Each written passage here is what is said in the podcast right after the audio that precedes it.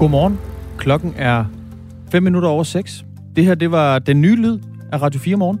Godmorgen, mit navn er Christian Magnus, og i studiet er du, Jakob Rosen, sammen med mig. Det bekræfter jeg. Og øh, ja, vi har fået ny lydindpakning øh, til Radio 4 Morgen. Øhm, det, der kommer til at fylde i dag, det er jo selvfølgelig, at restriktionerne øh, nogle steder i landet bliver en anelse lempet nogle steder. Øh, udvalgsvarebutikker, det gælder så hele landet. Det er altså butikker, øh, jeg ved ikke, var du bekendt med begrebet udvalgsvarebutik? Det blev jeg jo, eftersom de indførte det nu her i forbindelse med genåbning, men Ja. ellers nej. Me too. Øh, det er butikker, der sælger tøj, sko, bøger, møbler. Op til 5.000 kvadratmeter øh, kan genåbne med øh, midlertidigt skærpet øh, kvadratmeterkrav, så der er færre kunder i butikkerne. Øh, og det gælder så ikke butikker i, i store centre. Og så øh, kan vi også sige, at i hele landet, der bliver det igen muligt at deltage i udendørs idræts- og foreningsaktiviteter i organiseret regi. Øh, der hæves forsamlingsforbuddet til 25 personer. Ja, så er der Vestjylland og Nordjylland. Der er nogle øh, lidt andre øh, muligheder. Øh, afgangselever i grundskoler og på ungdomsuddannelser og voksenuddannelser kommer tilbage, men hver anden uge. Øh, det vil sige, at man øh, kommer ind den ene uge, og så øh, er man hjemme den næste øh, på skift. Og en forudsætning er, at der skal foretages øh, test to gange om ugen.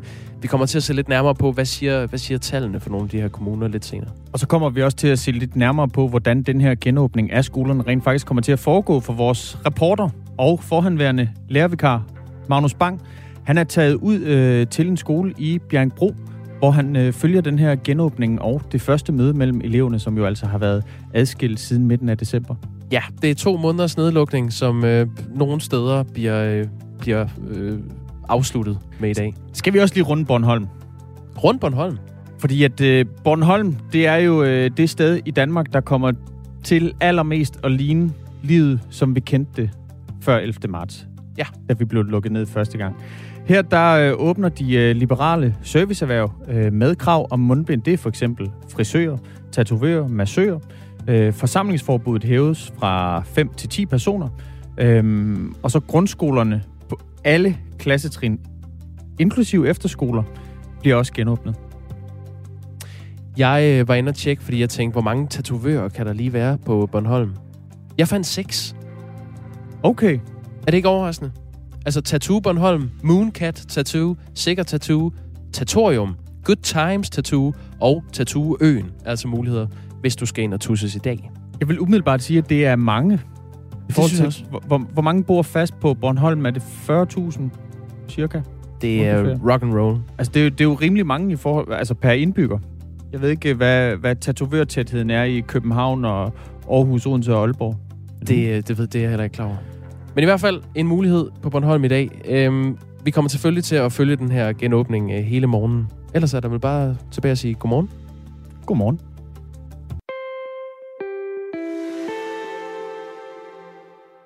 Vi skal starte med at høre en stemme, som øh, nogen måske har savnet. Ladies and gentlemen, please welcome the 45th President of the United States, Donald J. Trump. Well, thank you very much. And hello, CPAC. Do you miss me yet? Do you miss me? Ja. Donald Trump leverede sin øh, første tale som afgået præsident i Orlando, Florida i går. I løbet af de sidste øh, fire dage har USA's øh, ledende konservative stemmer øh, været samlet til det, der hedder CPAC-konferencen. Det er en årlig konference for at lægge linjen for højrefløjen i USA's fremtid. Konferencens hovedtaler, altså tidligere præsident Trump, stjal opmærksomheden på konferencen. Det kan man godt sige. I forjen stod der en stor guldstatue af Trump, og rundt på gangene, der kunne man købe diverse Trump merchandise. Det var flag, det var t-shirts med skriften Trump 2024. Anne Alling er journalist i USA og er med os nu. Godmorgen. Godmorgen. Anne Alling, øh, vi kommer til at vende tilbage til, øh, til Trumps tale, som vi hørte en, øh, en lille bid fra før lidt senere. Men allerførst vil du så ikke lige kort forklare, hvad er CPAC for en størrelse? Jo, altså CPAC er en, en, en årlig konference, og de siger selv, at de ligesom er den største og mest indflydelsesrige samling af ledende konservative stemmer. Og det er ligesom et, et årsmøde for konservative amerikanske græsrodsbevægelser. Øh, det er sådan her, man gør status på, hvor det republikanske parti og det ligesom det konservative Amerika står, og også hvor det er på vej hen. Og så er der også et sted, hvor republikanere sådan med præsidentdrømmen normalt kommer og præsenterer sig med ligesom belyser nye talenter. Og så er det altså meget unormalt, at det ligesom er en, en tidligere republikansk præsident, som, som både kommer og taler, men altså også løber med så enorm øh, en øh, stor del af opmærksomheden, både inden CPAC det startede, men også under CPAC er der blevet talt om, at man måske mere skulle kalde det TPAC, altså T for Trump, end, øh, end CPAC. Ja, og så kommer Trump så, øh, selvom han ifølge traditionerne ikke burde øh, være der. Hvad, øh, hvad var det for et budskab, vi, vi hørte fra Trump? Og ikke mindst, hvad var øh, overraskende ved hans tale? Jamen altså, Trump han kom med budskabet, at øh, det republikanske parti, det er united, altså at det er samlet. Han øh, kom ud med det samme og, og sagde, at øh, jamen, det, alt denne her snak om den her borgerkrig i det republikanske parti, det havde ikke noget på sig, sagde han. Og så, så afviste han de rygter, der har været. Der har jo været en del rygter om, at Trump han ville starte sit eget parti, det her såkaldte Patriot Party, som øh, folk snakkede om, at han, han gik og pynsede på at starte. Det sagde han, det passede ikke. Det var fake news, sagde han, at øh, det ville jo være en dum idé, sagde han, og det ville ligesom være en gave til demokraterne, hvis han startede sit eget parti, fordi det ville vise et splittet republikansk republikanske parti. Så, så hans budskab var, at øh, nej, øh, det republikanske parti, det står sammen. Øh, det stod så noget i kontrast til, at andre ledende republikanere, som for eksempel Mike Pence, den tidligere vicepræsident, men altså også øh, republikanernes leder i senatet, Mitch McConnell, de ikke var til denne her konference. Men, øh, men Trump, han, øh, han sagde altså, at øh, ja, republikanerne de er samlet. Han langede noget lige ud efter dem, som har gået imod ham, for eksempel ved at stemme for rigsretssagen, nogle af de republikanere, der, bliver, der gjorde det, men et, øh, et samlet parti, og at, øh, at Trump han, han er for republikanerne og ikke skal ud og lave sit eget parti. Lad os lige høre et klip, hvor han netop taler om det her med, at han ikke vil starte sit eget parti. We're not starting new parties. You know, they kept saying, he's going to start a brand new party. We have the Republican Party. It's going to unite and be stronger than ever before. I am not starting a new party. Wouldn't that be brilliant? Let's start a new party and let's divide our vote so that you can never win. No, we're not interested in that. Nej, altså ikke noget nyt øh, parti på vej fra, fra Trump. Men øh, hvad med præsidentambitionerne? Det er jo også et interessant øh, spørgsmål, Anna Alling. Løftede han sløret for, om han kommer til at stille op igen i 2024? Og det gjorde han, altså sådan på helt klassisk øh, uh, Trump-manér, uh, øh, at han ikke sagde noget direkte, men i den grad ligesom flyttede med ideen. Han, det gjorde han flere gange. Han sagde på et tidspunkt, at han skulle hilse fra jeres kommende fantastiske første dame, altså som om, at Melania hun skal til at være første dame igen. Og så sagde han også på et tidspunkt, at ja, hvem ved, om, om han ville bestemme sig for at slå demokraterne en tredje gang.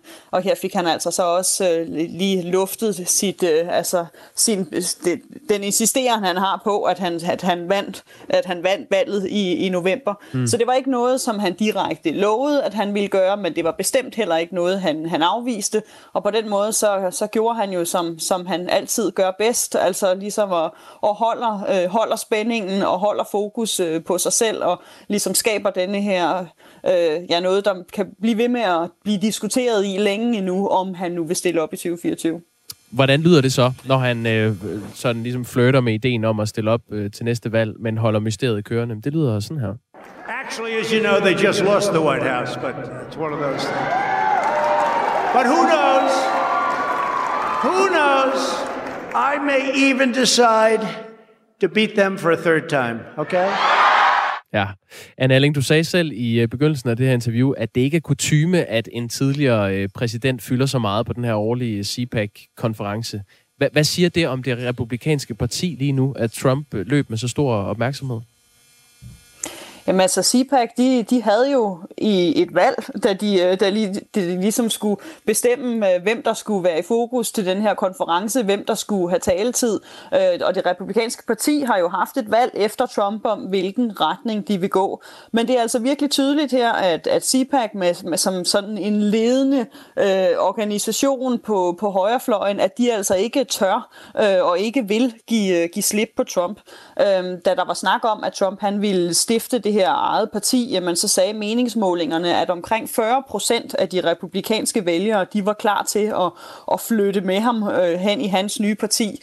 Og det er altså virkelig noget, som der ser ud til, at der, der er blevet lyttet til, øh, og Altså, at, at man går med, med Trumps øh, med retorik, og man ligesom øh, man støtter op om, om ham for at ligesom få hans vælgere. Øh, og det giver jo også et udtryk for, at der ligesom ikke ser ud til at være nogen anden leder, der ligesom kan hamle op med Trump lige nu i, i det republikanske parti. I hvert fald ikke nogen, som, øh, som vi får se.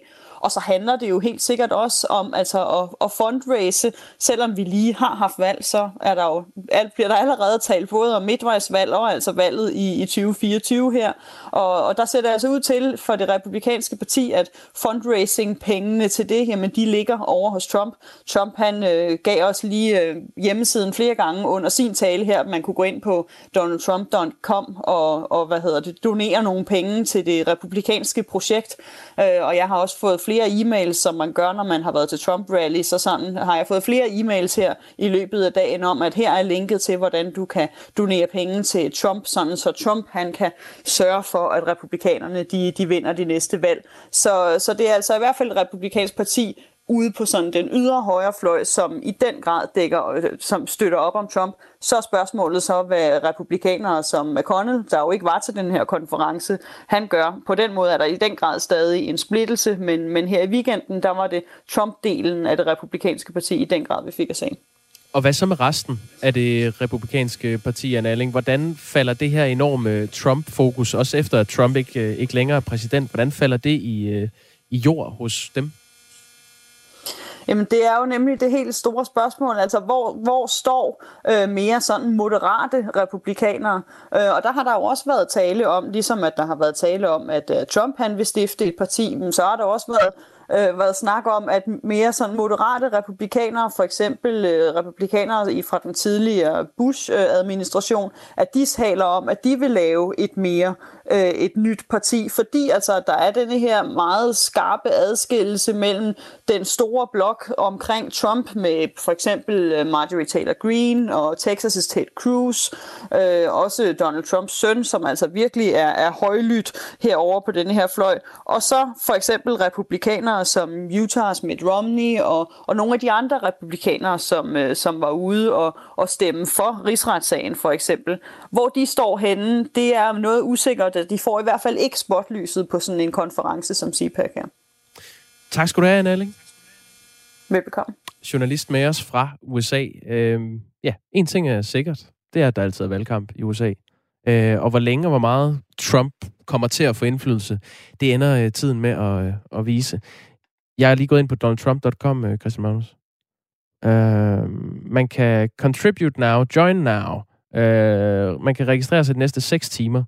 Det er altså givet videre her med. Jeg ved ikke, om man kan købe Kun de næste 6 timer? Ja, jeg ved ikke. Der er en eller anden øh, Tror du ikke bare, countdown derinde. Ja, men de der countdowns, jeg har også hørt øh, fra folk i reklamebranchen, det er simpelthen noget, man gør for at få folk til at klikke. Altså, så er der sådan en ur, der tæller ned, og så når det når til 0, så begynder det bare at tælle ned igen. Det er klassisk. Sådan en online tøjbutik, der Præcis. er kun i weekenden. Wow, 20 procent. Præcis. Du har 10 minutter til at indløse det her tilbud.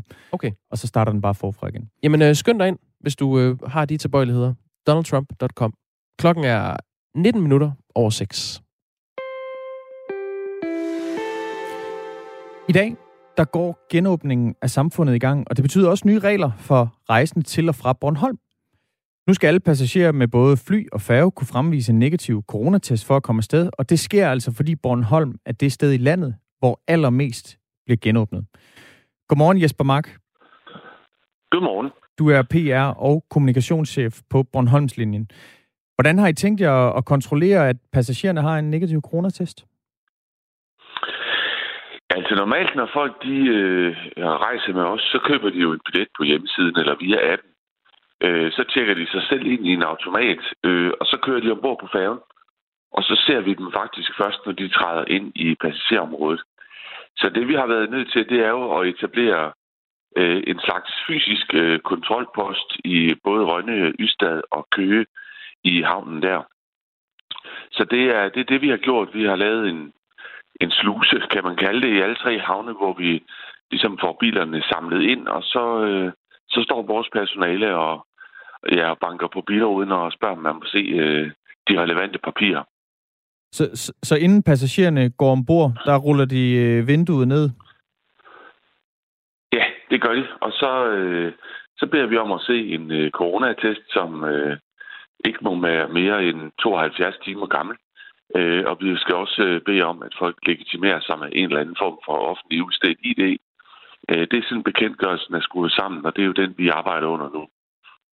Den her test, den må altså højst være 72 timer gammel, som du nævner her, øh, Jesper Mack.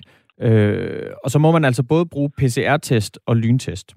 Kravet det gælder ikke for børn under 15 år og personale på fly og færger og professionelle chauffører, der kører gods til Bornholm. Personer, der varetager en såkaldt samfundsvigtig funktion, det kan for eksempel være ansatte på Bornholms Hospital, de behøver heller ikke at fremvise en negativ test. I kommer til at bruge ret meget tid øh, og ressourcer på at kontrollere det her, altså både om passagererne har de her negative tests, øh, også, også kontrollere, hvorvidt de hører under en af de grupper, som altså er undtaget fra at skulle fremvise en negativ test. Hvor meget ekstra tid forventer I at skulle bruge på det her? Det er, det er vi faktisk også selv en lille smule spændt på. Øh, vi har i hvert fald i al den kommunikation, øh, vi har lavet siden, at øh, den regel her, den bekendt, øh, i, i alt det, vi har talt med passagererne om øh, på forhånd, det har været at møde op i god tid. Øh, fordi vi ved jo ikke rigtigt, hvor lang tid det her det tager. Øh, selvfølgelig tager det tid, øh, når vi smider sådan en, en kontrol ind midt i, midt i en, en proces, som ellers øh, er designet til øh, og ikke at tage ret lang tid. Men altså, vi har, vi har lavet rigtig meget larm. Der har været rigtig meget omtale af den her regel. Øh, så det vi øh, håber på er jo, at vi og, og alle omtalen har fået folk til at, at indse, at det er godt at komme frem i god tid. Øh, når man sejler færger, så bliver man jo målt på, øh, på rettidighed i forhold til at, at sejle til tiden og ankomme til tiden. Øh, så, så det er det, vi håber, men det vil vise sig i løbet af ja, allerede i dag og, og de kommende dage, øh, hvor lang tid der egentlig kommer til at gå med det. Hvad, hvad kommer I egentlig til at gøre, hvis en person ikke kan fremvise en ny negativ coronatest? Ja, det er jo det springende punkt, øh, og det er jo også der, hvor vores medarbejder er en lille smule bekymrede, fordi øh, de er jo vant til at være, være service på færgen. Øh, jamen, vi må jo sige til folk, fordi altså, vi arbejder jo under en bekendtgørelse, øh, så det er os, der har ansvaret for det her. Vi har fået transportøransvar øh, via en bekendtgørelse. Det er en slags lovtekst. Øh, så hvis, hvis vi opdager øh, en, en, en passager, som ikke har papirerne i orden, jamen, så er vi simpelthen nødt til at bede folk om at, at lade være med at rejse med, øh, og så komme tilbage, når, øh, når coronatesten er, er i orden. Vores lytter Søren skriver, hvor er det udansk at kontrollere danskere indenrigs? Hvad tænker du om det, Jesper Mærk? Altså, jeg tænker, at øh, corona er jo, øh, har jo lært os, at, øh, at verden er et meget forandret sted. Altså, vi var også meget overrasket over, at øh, den her opgave øh, landede hos os. Øh, vi synes jo i princippet, at det her er en myndighedsopgave, øh, fordi i teorien kan vi jo stå i Sverige og, og må sige til en, en dansker, der gerne vil til Bornholm, altså Danmark, at øh, det kan vedkommende ikke. Øh, og det er noget, vi bestemmer. Øh, og det er klart en situation, vi helst havde været foruden. Mm. Men nu er det engang blevet sådan, at vi har fået pålagt det her ansvar som transportøransvar. Og så, øh, og så er det jo øh, så er det den vej, det går. Øh, og så vil vi øh, forsøge os øh, med det, vi plejer, nemlig øh, dialog og, og service, og så se, om, om det holder hele vejen. Mm. Jesper Mark er øh, PR- og kommunikationschef for øh, Bornholmslinjen. Tak fordi du var med, og god arbejdsløst. Jo, tak, og lige måde. Tak skal du have. I Nigeria er 317 piger blevet bortført fra en skole. Ifølge vidner, der ankom de bevæbnede bortfører kort før midnat øh, i pickup trucks og på motorcykler til kostskolen i byen Yangepe, hvor det altså lykkedes dem at tage 317 nigerianske piger med sig. Myndighederne de har hen over weekenden sat helikopter ind, og de her helikopter de flyver blandt andet over et stort skovområde, hvor man altså frygter, at de her piger bliver holdt skjul. Øh, godmorgen, Holger Bernd Hansen. Ja, godmorgen. Afrikakender og professor emeritus ved Københavns Universitet. Ved vi noget om, eller er der kommet noget ud om, hvem der står bag den her massebortførelse? Øhm, nej, det er der ikke, bortset fra, at det er den tredje i rækken øh, i det område, ikke i samme delstat, men i området der, og man regner med, at det er nogle øh, øh militser eller kriminelle øh, sammen, øh, grupper, som har kidnappet disse piger for at få løssum øh, ud af det. Og det er altså lidt i rækken af, af den, det er den tredje, der er sket siden øh, december. Øh, og øh, de to foregående grupper, de er blevet løsladt øh, den seneste her i weekenden, øh, hvor øh, 42 øh, studerende og lærere blev løsladt øh, her i weekenden. Man kan jo ikke lade være med at tænke, nu nævnte du også, det, det er ikke første gang, det her det sker i, i Nigeria. Øhm, og en organisation, der jo øh, har for vane at bruge den metode her, det er jo Boko Haram. Ja, netop, ja, og derfor så er det, man øh, dels siger man, det er en ren kopi af det, der skete for eksempel med disse her kendte Tibok-piger i, tilbage i, øh, i april 2014, hvor 216 piger blev kidnappet, og hvoraf kun øh, cirka 100 er kommet til, eller hvor cirka 100 stadigvæk er forsvundet og ikke genkendt. De resten er blevet efterhånden gradvist blevet løsladt. Og man regner så med, at man siger, at det er, er kunne være det, det, det mærkeligt samme mønster. Nu er det en helt anden del af Nigeria. Det er, i, øh, det er de nordvestlige områder, og ikke det nordøstlige, hvor Boko Haram normalt optræder. Så man regner ikke med, at det er at dem, der er involveret. Dog er der en enkelt minister, der har sagt, et eller andet, en lokal minister, der har sagt, at, at øh, der, der, de er trænet af Boko Haram ham til at udføre disse her ting der, men det er altså kun sådan endnu på formodningens område. Der er ikke noget vist om, at, at Boko Haram er involveret i det. Ja, nu nævner du selv bortførelsen af de her Chibok-piger. Øhm, efter det skete i 2014, hvor flere hundrede piger blev, blev bortført, der spyttede det internationale samfund jo penge i kassen til en forbedring af sikkerheden på skolerne, det her såkaldte Safe Schools Initiative. Men det har altså ja. ikke forhindret fortsatte bortførelser, bortførsler. Og i, i 2018, der blev 110 skolepiger for eksempel bortført fra en skole i det nordøstlige Nigeria. Øh, en skole, ja. som altså burde være dækket af det her sikkerhedsprogram. Øhm, ja. Er det her altså enden på det her Safe School Initiative, hvis det ikke formår at beskytte pigerne på skolerne? Uh, Øh, ja, det er det jo nok. Nu var det her over i Boko Haram-området også det de sidste, der blev godkendt der, men, men uh, blev betalt for. Men det er altså nok enden på det, og det hænger sammen med, at der er, i området er en stigende mangel på sikkerhed og en stigende kritik af regeringen om, at den ikke formår at, at, at skabe nok sikkerhed.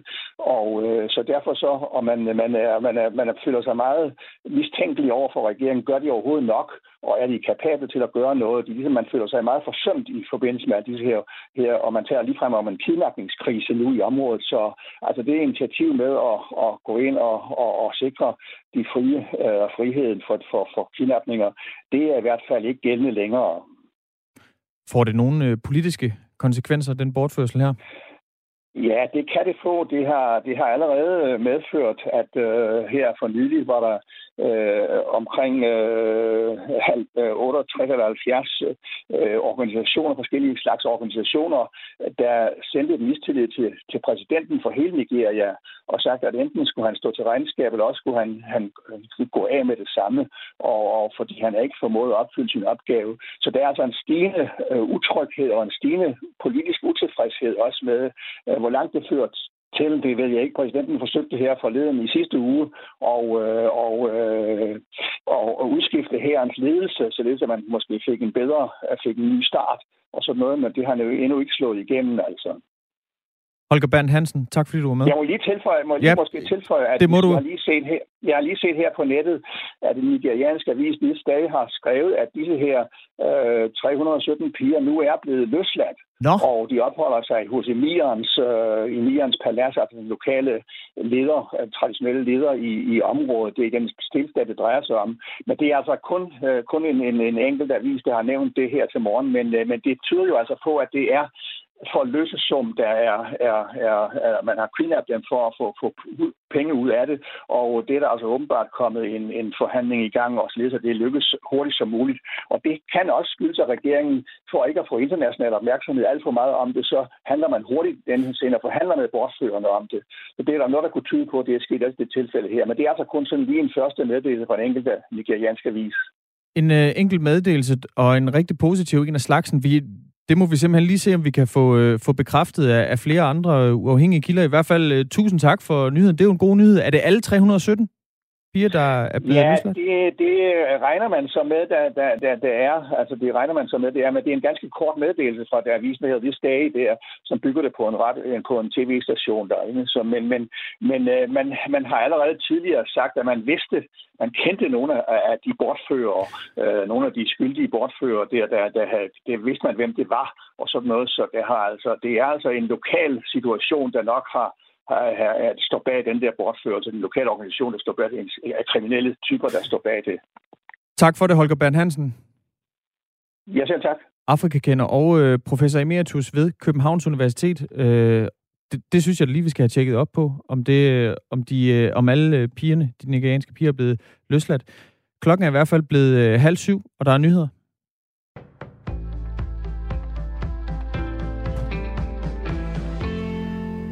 Under coronanedlukningen er der sket en stor stigning i andelen af studerende på videregående uddannelser, der føler sig ensomme.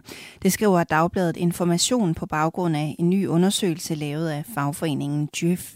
Før nedlukningen svarede 25 procent af de adspurgte, at de i høj grad eller nogen grad følte sig ensomme. Andelen er herunder nedlukningen eksploderet til 66 procent. Det viser undersøgelsen, som er foretaget blandt 759 studerende. Og den stigning er bekymrende, mener direktør for studenterrådgivningen Thomas Braun. Nedlukningen har med små afbrydelser stået på i et år. Som følge heraf er ensomhed og modløshed blevet en alt for stor del af alt for mange studerendes studietid, og man behøver ikke være en dygtig psykolog fra studenterrådgivningen for at se, at det kan sætte store spor i unge menneskers liv, siger han til Information. Uddannelses- og forskningsminister Ane Halsbo Jørgensen ser med alvor på tallene, siger hun. Hun varsler, at der vil være en form for hjælp på vej og oplyser, at Folketingets partier er i forhandlinger om hjælp til de studerende. Donald Trump antyder i en tale søndag aften dansk tid, at han måske vil jagte et comeback til posten som USA's præsident. Det sker i præsidentens første store tale, siden han forlod præsidentposten. Who knows?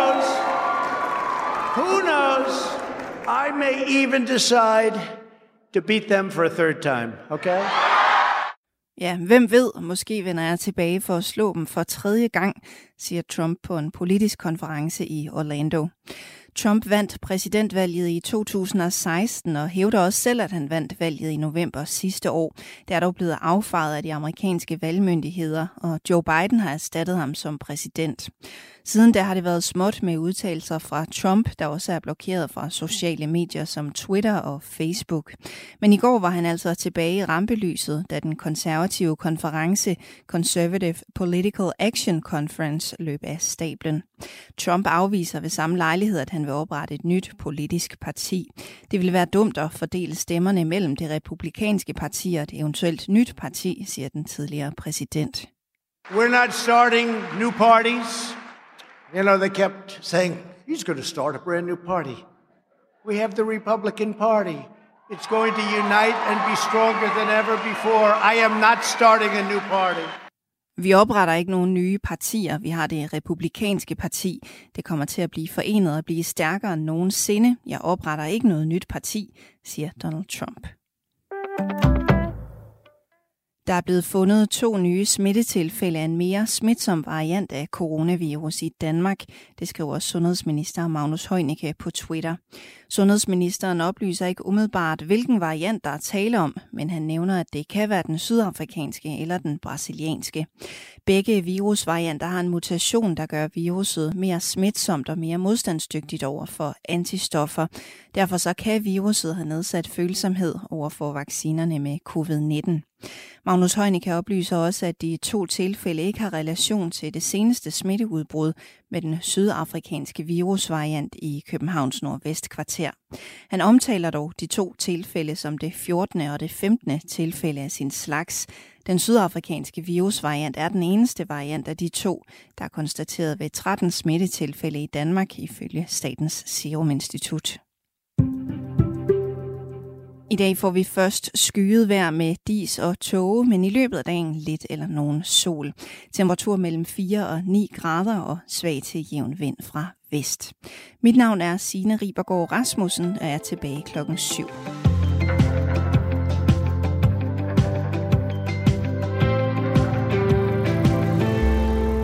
Lige før vi gik på med nyhederne, der talte vi altså med Holger Berndt Hansen om øh, bortførslen af 317 skolepiger i det nordøstlige Nigeria. Og der fortalte Holger Bernd Hansen hen mod slutningen af interviewet, at det faktisk lige var tækket et, øh, et nyhedstelegram ind øh, fra en mindre nigeriansk avis om, at, øh, at de her 317 piger var blevet løsladt. Ja, det er både breaking og glædeligt news. Mens øh, Signe Ribergaard Rasmussen hun læste nyheden, der har forsøgt lige at læse lidt op på, hvad der er derude. Øh, og jeg kan se, der blandt andet der er et, øh, et YouTube-klip, som er blevet lagt på af et øh, nigeriansk medie. Øh, et 11 timer gammelt YouTube-klip, hvor der står, at de her 317 piger er altså blevet befriet. Øh, det er også en kilde, jeg kan finde fra cgtn.com. Hvad er det? Pas. Det er simpelthen ikke... Øh, det er sådan et, øh, et udenrigsmagasin. Okay. Øhm, og her, der, øh, der står også, at de er blevet, øh, de er blevet befriet øh, søndag. Og det er det eneste, der står. Og det er, de refererer igen, øh, det her medie CGTN, de refererer altså også til, øh, til den øh, mindre nigerianske avis, som, øh, som Holger Bern Hansen han, han henviste til. Øhm, det kunne godt være, det var ved at følge op på. Vi må håbe, det er sandt. Øh, det er nok en historie. Hvis det er sandt, så bliver den taget op af andre nyhedsmedier i løbet af morgenen. Mm-hmm. Nu er det i hvert fald, øh, du hørte det først her i Radio 4 morgen, som jo er et program, man kan skrive ind til øh, og være med til at rigtigt. forme og skabe. Og hvis du har et, øh, et input eller øh, risros, øh, et eller andet, du gerne vil af med, et spørgsmål, du gerne vil have, vi stiller en, øh, en kilde, så skriv ind på 1424. Det er der øh, nogle stykker, der har gjort her til morgen. Blandt andre Ronny, han skrev faktisk ind, før vi gik i luften. Det har Ronny for vane, og det, det er meget hyggeligt. Så blev det der mandag. Nystartet uge med de første øh, dårlige vidtigheder om brugt weekend at salg. Har mødt en. Mandagshumøret er i top hos nogen. Og nu vi er ved fest og farver. I dag for mange år siden, i 1565, blev Rio de Janeiro grundlagt. Så er mandagens nyheder i gang fra Ronny. Ronny, han har jo øh, for vane at være første lytter, der skriver ind, fordi han, han skriver simpelthen før vi går i luften. Ja, han skriver ind før klokken 6. I dag, der, øh, der var Paul den første. Paul han skrev ind, Godmorgen Radio 4 morgen, mandag og marts, fuldmåne og forår. Herfra lyset og livet går. Dog endnu med coronahår. Venlig hilsen, Paul. Og så skriver han i en parentes, undskyld til Ronny. Paul med en øh, poetisk ord. Tak for det. Øh, alle sms'er bliver modtaget med, med kysshånd her i studiet. Nu skal vi til en øh, historie, som øh, blandt andet handler lidt om den her film. Godt nok lang tid siden, jeg har haft det så godt, som jeg har det nu. Jeg tror bare, der er mere at hente der. Og måske endda lidt højere op. Så vi skifter gear. Er I fulde? Det er druk. Den danske film af Thomas Winterberg, som var øh, nomineret i kategorien bedste øh, ikke-engelsksprogede film til de prestigefyldte Golden Globe-priser, som blev øh, uddelt i nat til film og serier. Både Susanne Bier og Thomas Winterberg var nomineret til, øh, til priser. Susanne Bier i kategorien bedste miniserie for den serie, der hedder The Undoing. Claus Christensen er chefredaktør på øh, filmmagasinet Eko. Godmorgen. Godmorgen. Claus Christensen, øh, lad os starte ved skuffelsen. Danskerne måtte desværre gå tomhændet derfra. Hvordan øh, vurderer du den her nat set med danske øjne? Ja, det er selvfølgelig et øh, antiklimaks, øh, når vi var blevet nomineret i fire kategorier, kan man vel godt sige. Øhm, og øh, øh der kunne vi jo godt have håbet på, måske især på, at Druk havde vundet, men vi må også sige, at det er jo bare alene at være med her øh, blandt øh, verdens bedste film og tv-serier. Det er jo en enorm kado til dansk film. Så midt i skuffelsen vil jeg lige vil sige, at der er grund til øh, optimisme. Her er det også bare flot at være med. Ja, det må man sige. Og øhm, det, der er med Golden Globe, det er jo, at det er 87 udenlandske filmjournalister i Los Angeles, der uddeler denne her pris. Vi har faktisk en dansker siddende, som hedder Tina Jøn Christensen, og øh, det er altså dem, der stemmer. Så det er jo ikke så mange mennesker, der stemmer om prisen. Og på en måde er det en lille pris, men på den anden side, så er det også en stor pris, fordi den kommer jo lige før Oscar, og der mener man jo, at den har et afsmittende effekt på Oscar. Og øhm, det kunne så være den næste dårlige nyhed til Thomas Winterberg, fordi han tabte jo så til en film, der hedder Minari, øh, som er, er en film om en koreansk familie. Instruktøren har øh, ligesom lavet en erindringsfilm om sin opvækst i 80'ernes USA.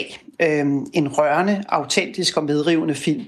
Øh, men her har jeg faktisk en god nyhed, og det er, at øh, Minari ikke konkurrerer mod druk i øh, Oscar-sammenhæng. Fordi det er sådan, det er sådan lidt spidsfindigt, men øh, i Oscar, der ser man på, øh, hvem der er producent, og det er faktisk en amerikansk produceret film. Så det vil sige, at i den kategori i Oscar, der hedder bedste internationale film, der øh, er druk ligesom øh, uden denne her konkurrent. Den, er, den bliver til gengæld sikkert nomineret i bedste film overhovedet. Ja, det er jo glædeligt nyt så. Øhm, nu, nu du nævner den her film, som så vandt i bedste ikke-engelsksproget øh, filmkategori, mm. Minari, så jeg undrer mig over den, Claus Christensen. Altså, det er en amerikansk produceret film, der handler om en koreansk familie bevares, som slår sig ned i USA. Den er så skrevet og instrueret af Lee Isaac Chung, som er født og opvokset i USA, der bliver talt engelsk i store dele af filmen. Hvorfor er det ja, altså, bedste ikke-engelsksproget film? Ja, altså der bliver jo talt, øh, jeg ved ikke præcis hvor mange procent, der bliver, der bliver talt øh, koreansk i, i filmen, men altså øh, Hollywood Foreign Press Association øh, har altså vurderet, at den, at den, der bliver talt nok øh, koreansk til, at den tæller med der, men det er faktisk blevet kritiseret, øh, og, øh, og gudskelov er det anderledes i Oscar, kan vi sige, med, set med danske øjne.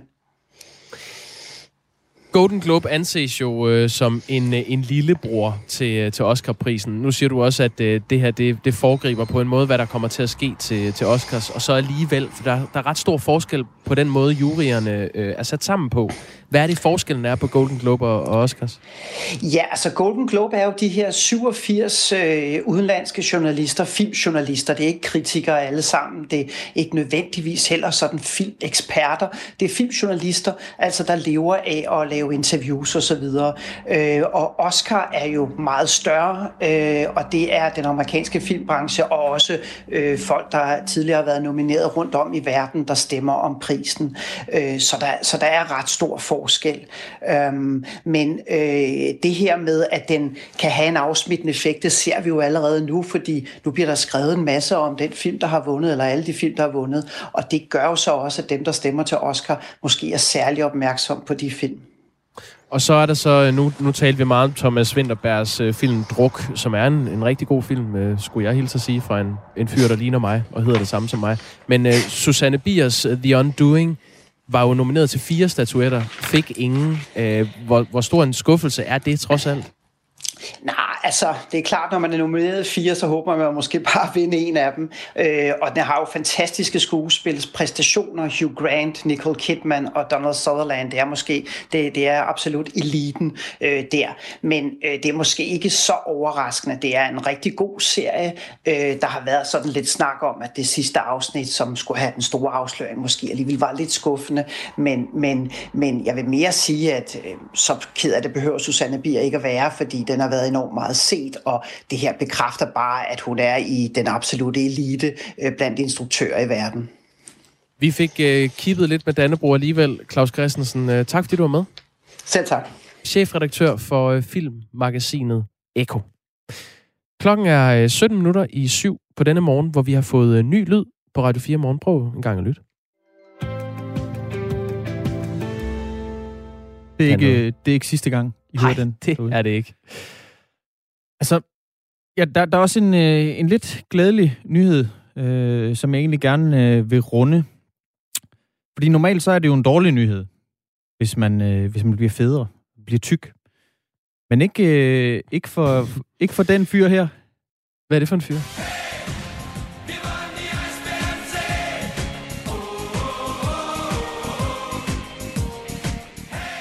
Tidligere studier har vist, at, øh, at isbjørn de bruger 60% mere energi på at fange føde. Og det gør de jo, fordi at... Og det tror jeg ikke helt kommer med der. Tidligere studier de viser nemlig... Nu prøver, jeg prøver lige forfra. Ja. Grusen. Tidligere studier viser, at isbjørn de bruger 60% mere energi på at fange føde. Og det gør de, fordi Ice is melting at the poles. og derfor så skal de bevæge sig over længere afstanden for at fange føde. For eksempel sæler eller en, en valros, hvis, Ja. man er, hvis man er rigtig sulten. Mm. Derfor så skrumper bestanden af isbjørnen, fordi at, at nogle af dem dør, fordi de ikke kan finde føde. Og dem, der så er tilbage, de ser tyndere og tyndere ud, fordi de skal bevæge sig over større afstand. De bruger mere energi på at fange føde. Det er jo nogle af de videoer, også øh, øh, miljøorganisationen Greenpeace har, øh, har delt flere gange, altså med udsultede isbjørne, der går rundt på iskappen og ikke kan finde føde. Præcis, det går jo lige i hjertekuglen, når Ja, man det gør ser det. sådan en, en majestætisk bjørn, der ikke er andet end, end, end skin og ben. Men nu er der godt nyt, i hvert fald for de isbjørn, der befinder sig i den russiske del af Arktis. Øh, bjørnene, de har nemlig lagt kosten om. Altså nød lærer nøgen kvinde og spinde. Nå. Og bjørnene, de har lagt kosten om. De er, de er blevet tvunget altså sydpå for at, for at finde føde. Og der, det har øh, nogle øh, russiske forskere så øh, observeret, hvad de er begyndt at indtage af føde. Øh, de er blandt andet begyndt at spise øh, gæs og okser og, og lemminger. Altså de, de her russiske for, forskere, de har observeret øh, isbjørne, som altså graver efter de her tunneller, som, som lemmingerne graver. Der har de simpelthen bare gravet de der tunneller op, og så har de bare spist lemminger til den store guldmedalje. Det betyder, at de russiske forskere har observeret bjørne, som, som er, er federe og tykkere. Øh, og det er et rigtig godt tegn. Stærkt fascinerende. Fordi at øh, hvis man, øh, hvis man øh, er godt polstret, så er der altså også en rigtig god sandsynlighed for, at man, øh, ja, at man ikke dør. Det er klart. Øh, jeg har, ja, hvor, hvorfor har de ikke spist okser tidligere? Det forstår jeg ikke. Jamen altså, det har måske ikke helt været nødvendigt. De har måske stadig håbet på, at øh, den gode gamle sætter sig på en isflage og venter på, at der er en, øh, en sæl, der hopper op, og så siger det haps. Den går ikke længere. Det er nye tider. Ved, ved du, hvorfor den ikke går længere? Nej. Ice is melting at the poles. Genialt, du har fundet det klip med Willy Søvndal. Elefanten i rummet her, Christian Magnus, er den indledning, du lavede til den her ø. Hvad var det for et nummer? Det, er jo, det var simpelthen for os lige at få lidt, øhm, lidt afterski-stemning. Det er jo via Volden de Iceberg scene. Après skihot. Det er sådan en, en, øh, en øh, afterski-sang. Og det ah. tænker jeg måske, fordi øh, dem, der sidder derude og ikke kan komme på skitur, der tænker, så er der også lidt til dem også. Det er godt til forsvar. Og det er jo trods alt en god nyhed, ikke? at isbjørnene øh, bliver tykkere. Det er bestemt ubetinget en, øh, en god nyhed. Måske øh, også lige sige, at de her, de her russiske forskere, de har, ikke no, de har ikke et overblik over endnu, hvad det kommer til at betyde for den, den generelle population af, af russiske isbjørne. Altså, øh, om den kommer til at stige eller falde. Men som udgangspunkt, der er det et rigtig godt tegn, at de er i bedre fysisk forfatning, end de plejer at være på den her tid af året.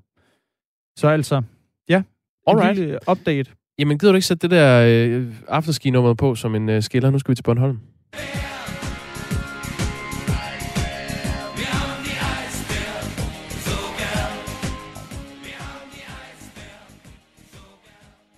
Kanon. Klokken er 12 minutter i syv.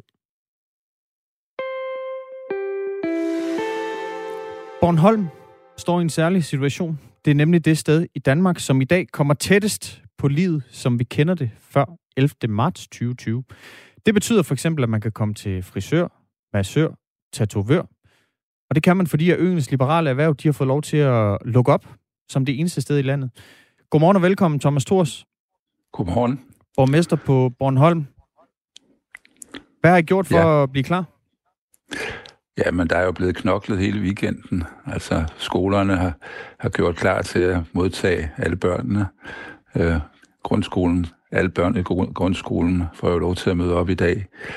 Der er lavet testregime på skolerne.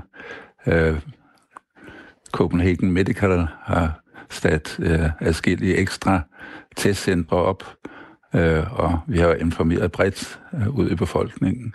Så øh, vi er klar. Du har tidligere udtalt, øh, Thomas Thores, at du, øh, at du og Bornholm føler et rigtig stort ansvar. Hvad er det for et ansvar, I føler, I har på jeres skuldre lige nu? Jamen, vi er jo, vi er jo en slags testø. Altså, vi skal jo i den grad testes. Alle Bornholmer er blevet opfordret til at lade sig teste en gang om ugen. Og så alle, der kommer hertil, skal jo testes, og alle, der tager herfra, skal testes. Det gælder både over køer med fly, men også over Sverige. Øh, og det ansvar, vi har, det er jo simpelthen at følge det her testregime, sådan så vi øh, vil kunne opspore eventuelt smitte og få isoleret dem, der er smittet, og øh, sørge for, at deres omgangskreds kommer i karantæne. Så det er der, vi alle sammen har et ansvar, altså simpelthen ved at følge det her meget omfattende testregime. Det er klart, at I, I har et ansvar for, at, øh, at smitten ikke breder sig, og der, hvor der så skulle opstå smitte, der får man testet og identificeret og, og opsporet osv. Føler du, at øh, Bornholm og Bornholmerne også har et, et særligt ansvar over for, for resten af den danske befolkning? Ja, men der er jo ingen tvivl om, at, at sundhedsmyndighederne ser på Bornholm øh, med henblik på, øh, hvordan, skal, hvordan kan vi tillade os at lukke op, øh, så ganske vist på et senere tidspunkt. Men, hvis det går godt for os, øh, så er jeg også overbevist om, at så vil man ture øh, åbne op andre steder. Og skolebørnene, øh, specielt de ældre, de, de glæder sig jo i den grad. Så det vil jo være, det vil være fint, hvis, hvis øh, vores måde at håndtere det på kan blive et argument for, at man tør åbne yderligere. Det anbefales altså fra myndighedernes øh, side af, at alle Bornholmer de bliver testet en gang om ugen. Så er der også anbefaling om to ugenlige test af læger og andet personale samt elever og studerende på ungdoms- og voksenuddannelser. Og så er der krav om fremvisning af neg- negativ test for at kunne rejse til og fra Bornholm via færge eller fly.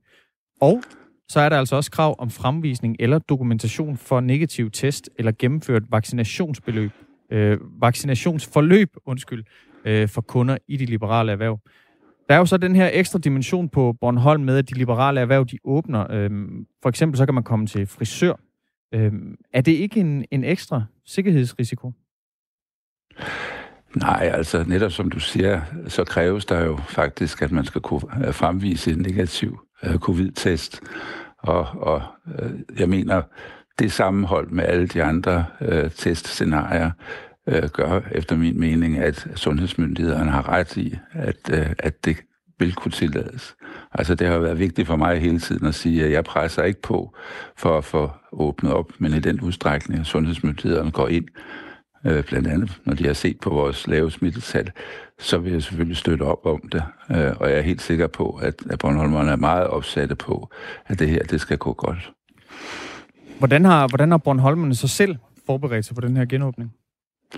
Altså jeg kan sige, at, at vi har været ude her øh, for nogle dage siden og opfordre øh, lærere og elever på skolerne til at lade sig teste her i weekenden, øh, sådan så man, at der ikke er nogen børn, der kommer i skole med smitte. Øh, og der har været meget stor opslutning til det, og nu bliver det så endnu nemmere, i og med at der bliver rejst øh, så mange testcenter rundt på, på øen. Så der bliver ikke den store afstand, og så må vi jo hjælpe hinanden, dem der ikke har bil eller på alle måde har problemer. Det må vi så sørge for at hjælpe, så de kan komme og blive testet en gang om ugen. Thomas Thors, altså borgmester på Bornholm, som jo lige nu åbner øh, markant mere end øh, nogen som helst andre steder i det danske land. Øhm, jeg vil egentlig også godt spørge lidt til, øh, til påskeferien. Den ligger jo sådan lige om hjørnet for de fleste. Øh, og det, der er Bornholm jo et, et yndet, en yndet destination at tage til. Øh, jeg sad også lige og tjekkede øh, sommerhus ud. Der er jo så småt ved at være booket øh, mere eller mindre over hele linjen, selvom man stadig kan finde et enkelt Bornholmsk sommerhus. Er det, er det noget, du frygter for, øh, Thomas Thors, det, det ryk ind, der formentlig kommer til påske? Nej, det gør jeg ikke, fordi det er jo, det er jo sådan, at alle, der skal have til, skal være testet. Altså er det sådan, man kommer fra øh, Københavnsområdet for eksempel, så skal man kunne fremvise en negativ covid-test, som ikke er mere end øh, 72 øh, timer øh, gammel, om man så må sige. Øh, skal vi over Sverige, så er grænsen 48 timer. Og det vil sige, at vi får altså en til vidshed øh, grænsen af sikkerhed for, at dem, der kommer over, øh, øh ikke er smittet. Øh, og det øh, sammen, sammenholdt med vores testregime gør vel, at, at Bornholm er vel en af de sikreste destinationer overhovedet at, at tage til. Øh, og vi har allerede set det i forbindelse med vinterferien, der havde vi også mange besøgende, og vi tror helt bestemt på, at det også vil vise sig til, til påske. Og så var det jo ikke så længe før, vi kommer ind i, i øh, den tidlige forsæson til, til sommerferien.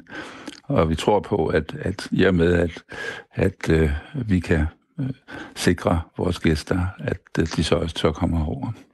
Thomas Thors, altså borgmester på øh, Bornholm. Øh, vi har fået en sms fra vores lytter Katarina, der bor i Odense. Hun skriver, Godmorgen.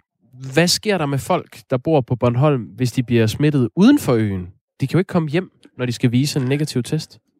Nej, det er rigtigt. Altså, det gælder jo det samme for, for, for os, der er i Københavnsområdet, at, at uh, så må man isolere sig, uh, og det skal man sådan set selv stå for. Og i den udstrækning, man slet, slet ikke har mulighed for det, så kan man henvende sig til kommunen og øh, hjælpe med at blive øh, visiteret. Der skal kommunen anvise et værelse, og i øvrigt også være behjælpelig med mad og så videre. Altså den kommune, man så, befinder sig i? Ja, netop. Men, men øh, du frygter simpelthen ikke for påskeferien? Altså, der, der kommer jo til at være et stort ryk ind. Nu ved jeg godt, du nævner de her tests, øh, som må være maks 72 timer øh, gammel. Men derfor kan smitte jo godt snige sig ind alligevel. Jamen, det er rigtigt, men jeg, på den anden side, så vil jeg sige, at, at vi har jo øh, også enkelte øh, smittetilfælde herover. Og jeg vil sige, med det testregime, der nu kommer, så vil jeg, vil jeg mene, at vi faktisk er mere sikre, end vi var før vi fik sat hele det her testregime op. Selv uh, det faktum, at, at der kommer gæster herover i relativt stort tal. Thomas Thors, borgmester på Bornholm for Socialdemokratiet. Tak fordi du var med, og pøj pøj med genåbningen. Ja. Mange tak. Vi kan måske lige rende igennem. Mm. Jeg sidder faktisk her ja, med du, listen. Altså, ja, kom med det. De friske coronatal, ja, øh, de kom i, i går kl. 14. Det er kutume, det der, de lander. Og øh, hvis vi kigger på Bornholm, så har de et øh, det, man kalder et incidenstal på øh, 10,1. Det er øh, altså smittede borgere på Bornholm per 100.000 indbyggere, der ligger de altså på, på 10,1, og det er jo væsentligt under bekymringsgrænsen for myndighederne, som længe har været 20 per 100.000 indbyggere den seneste uge. Det er blandt andet det tal, der Udenrigsministeriet bruger, når de skal sidde og farve hele verden rød. Det er sjovt, du siger rød, fordi øh, altså, den allerrødeste kommune, det er, det er stadig Ishøj. Det er ikke sjovt i sig selv. Den øh, Ishøj Kommune har 319 nysmittede per 100.000 indbyggere, og nummer to på listen er Kolding med 254 per 100.000 indbyggere. De er altså blodrøde, de her kommuner, men øh, grund til, at jeg siger sjovt, som forstået pudsigt, det er, Tisted Kommune, har jeg noteret mig, også ligger relativt højt på den her liste. Med 88 nysmittede den seneste uge per 100.000 indbyggere. Øh, Tisted ligger i Thy. Det ligger i Nordvestjylland. Og det er så en af de kommuner, som kan åbne mere i dag. De har et incidenstal på 88 nysmittede per 100.000 indbyggere. Ja, faktisk et incidenstal, som er højere end incidenstallet i København. Præcis. Det er jo ganske interessant. Det er altså også en historie, vi, vi jagter lidt i dag, altså at, at Tisted nu genåbner øhm, på trods af et incidenstal, der er højere end øh, mange andre steder i, øh, i København og omegn. Ja, øh, hvis man kigger, vender listen på hovedet, og så kigger på øh, de kommuner, som øh, klarer sig uden nysmittede den seneste uge, så er det fortsat ø-kommunerne Samsø, Ærø, Læsø, der ligger øh, der, med altså nul nysmittede. Til gengæld, Struer har, er nu nede på kun at have én nysmittet den seneste uge, og det giver så et incidenstal på 5. Det er ganske imponerende. Det er også en historie, vi, vi jagter i dag. Skulle vi måske øh, sige, altså øh, Tisted, der står med et ret højt incidenstal, men som altså også står foran en genåbning i dag.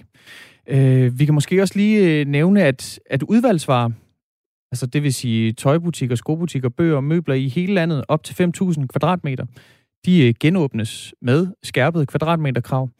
Øhm, udendørs kulturinstitutioner genåbnes i hele landet med krav om øh, negativ coronatest, som altså højst må være 72 timer gammel. Ja, lad os lige øh, blive hængende der. Udendørs kulturinstitutioner. Jeg spekulerede jo lidt øh, over den der term, udendørs kulturinstitution. Ja, altså det, det kan jo være en, øh, en museumsoplevelse, man kan nyde udendørs. Det kan være øh, Jeg fik- udendørs teaterforestillinger. Præcis, jeg fik nævnt øh, amfiscener. Øh, hvad, hvad kan vi ellers være ude i? Øhm, Den fynske landsby, for eksempel. zoologiske haver. Zoologiske haver må også godt. Øh, dog er der nogle af dem, der, der hænger lidt i bremsen i forhold til at, at bare åbne op i dag, fordi at reglerne er en smule komplicerede. Øh, der er jo noget med, hvor, hvor stor øh, den her øh, butik eller en øh, institution eller en, en udendørs kulturaktivitet er, i forhold til, hvor mange der må være der. Altså, hvor mange mennesker må komme ind. Og de tal er der blevet gjort meget, øh, meget sjov ud af, særligt fra oppositionens side, fordi det har været svært at regne ud. Altså, hvis en udvalgsvare er øh, mere end 5.000 kvadratmeter, hvor mange må der så være der? Og hvor, hvis det er 4.000, hvor mange må så være? Og lige øh, det der, det er jeg så glad for, du siger, Jakob Grusen. Fordi at øh, klokken øh, 5 minutter over syv, der bliver vi klogere på de her kvadratmeterkrav. Nej. Jo. Det var da heldigt. Det er simpelthen rigtigt. Jeg har smugkigget frem i programmet for næste time. Vi taler med Sissel Dyrholm Holst fra Dansk Industri, der hjælper os med at forstå, hvorfor snittet lige er blevet lagt ved 5.000 kvadratmeter. Der er nyheder på Radio 4.